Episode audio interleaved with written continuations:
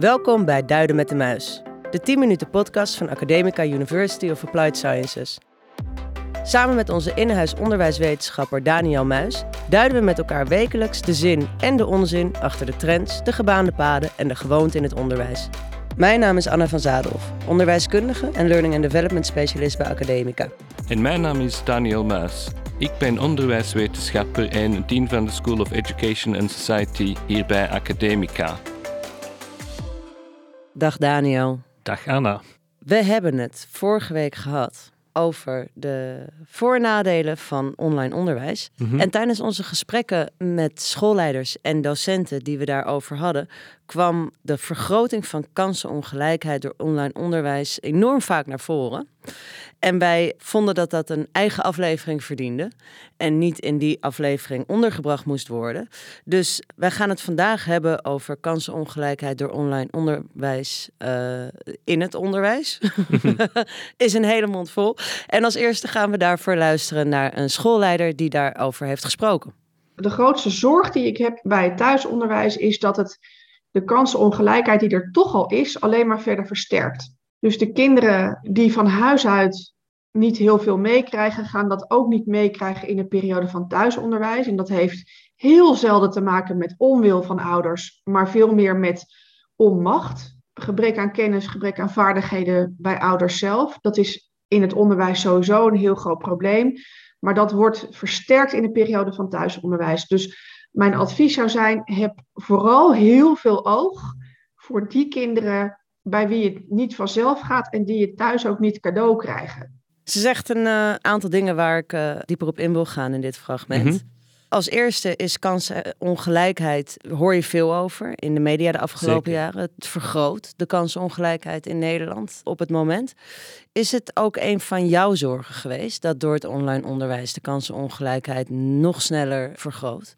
Ja, absoluut. Um, we moeten daar wel rekening mee houden dat dit niet een fenomeen is dat komt door het online onderwijs. De kansongelijkheid was ook voor de pandemie al aan het toenemen. Dus het gaat eerder om een versterking van een bestaande trend dan om iets nieuws dat er nu gekomen is door het online onderwijs. Maar ja, dat is zeker wel een van de zorgen. Inderdaad, die invloed van thuis, die maakt natuurlijk het verschil tussen de kinderen die in een zeer stimulerende thuisomgeving werken en de kinderen voor wie dat niet het geval is, groter.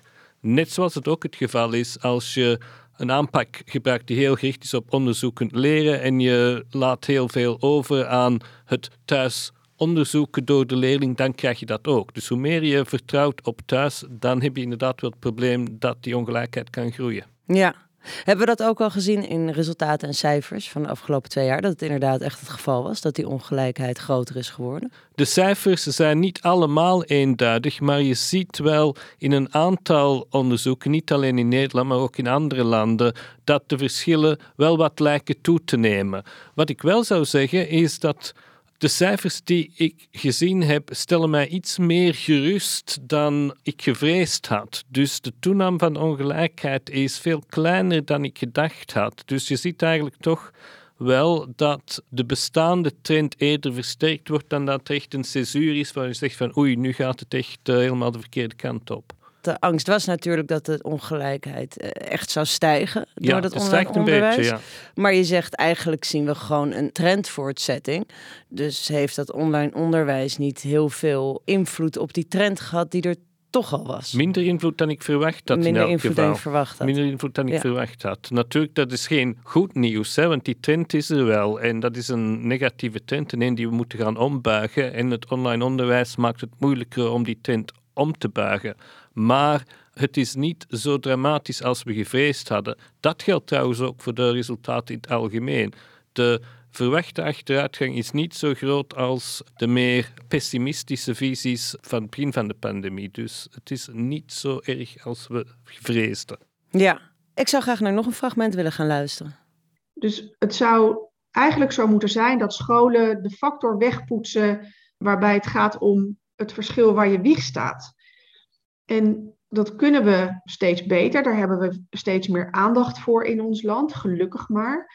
Maar we zien ook dat dat in de periode van thuisonderwijs natuurlijk heel erg moeilijk is. En dat daardoor die verschillen weer toenemen. Op het moment dat ik ze online heb en ik, ik, ik heb ze, zeg maar, en ik heb ze allemaal. Dat had ik uh, in de eerste lockdown bij groep 5 had ik dat. Had ik op twee leerlingen na had ik ze allemaal gewoon online. Uiteindelijk zelfs allemaal online. Ja, kijk, en dan kan je wel stappen met elkaar maken. Zeker als je gewoon de doelen beperkt. En uiteindelijk in de praktijk zie je dat dus ook terug. Je ziet dus dat dezelfde kinderen altijd online zijn. En je ziet dat dezelfde kinderen, die vaak ook al met het fysieke onderwijs regelmatig absent zijn. Je ziet ook vaak dat deze leerlingen dan online afwezig zijn en het niet lukt om in te loggen.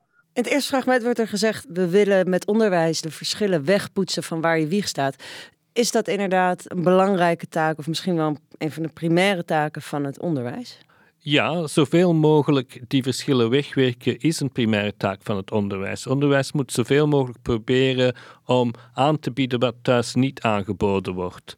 Daarbij moet ik wel even een kanttekening maken en zeggen dat al het onderzoek dat we hebben aanwijst dat onderwijs dat niet op zijn eentje allemaal kan wegwerken. Ongelijkheid is een complex probleem. Daar moeten we ook op andere vlakken in de maatschappij iets aan doen. We kunnen dat niet ook allemaal op de school en op het onderwijs steken. Dus onderwijs kan helpen, maar onderwijs gaat op zichzelf de ongelijkheid niet volledig wegwerken. Nee, dat moet binnen een heel emanciperend systeem. Precies. Is volledige kansgelijkheid in het onderwijs, laten we daar even op houden, mogelijk, denk je? Dat hangt er altijd natuurlijk vanaf hoe je dat definieert. Dus wat we natuurlijk willen is dat er zo weinig mogelijk invloed van de thuisomgeving is op de resultaten van de leerling. Kunnen we dat volledig waarmaken, dan ga ik weer terug naar mijn cijfertjes en onderzoek, want dat is mijn ding. en uh, dan zie je dus wel dat de effect van de school en van de klas maximaal tot misschien een derde, maximaal 50% uitmaakt van de verschillen in prestaties tussen leerlingen. Dus de school kan niet alles wegwerken. Dat is eigenlijk het uh, probleem ook. Ja, want je zegt zoveel mogelijk invloed van thuis. Dat zo min mogelijk invloed op de schoolprestatie heeft. Maar wat als dat nou heel veel positieve invloed heeft? Kijk, dat is natuurlijk ook zo. Voor die kinderen die een stimulerende thuisomgeving hebben, heeft dat natuurlijk een positieve invloed.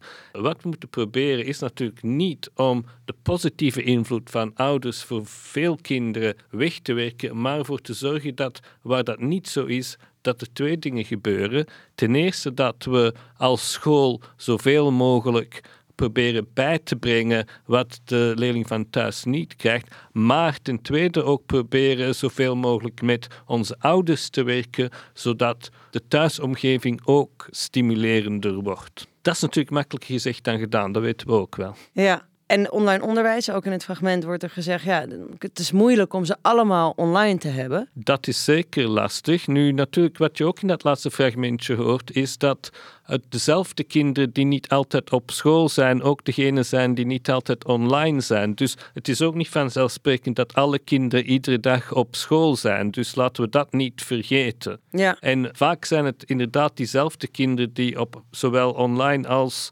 fysiek te vaak afwezig zijn. Ja. Tweede zaak is natuurlijk ook wel dat online verschillende betekenissen heeft. Hè.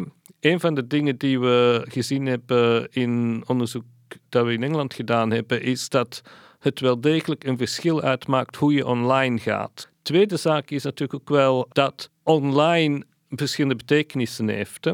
Een van de dingen die we gezien hebben in onderzoek dat we in Engeland gedaan hebben, is dat het wel degelijk een verschil uitmaakt hoe je online gaat. Dus als je een laptop gebruikt, dan blijf je gemiddeld twee keer langer een bepaalde les bekijken dan wanneer je op je mobieltje zit. Er zijn ook bepaalde randvoorwaarden eigenlijk, zoals het hebben van een laptop, waar niet alle kinderen aan kunnen voldoen. Maar dat is een oplosbaar probleem. Ja, als jij morgen iets mag veranderen in het onderwijs om kansenongelijkheid tegen te gaan, wat zou dat dan zijn?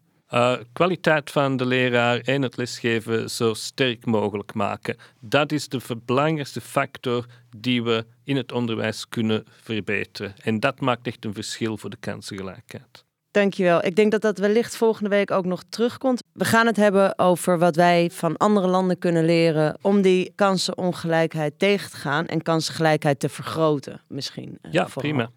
Dankjewel. Tot volgende week.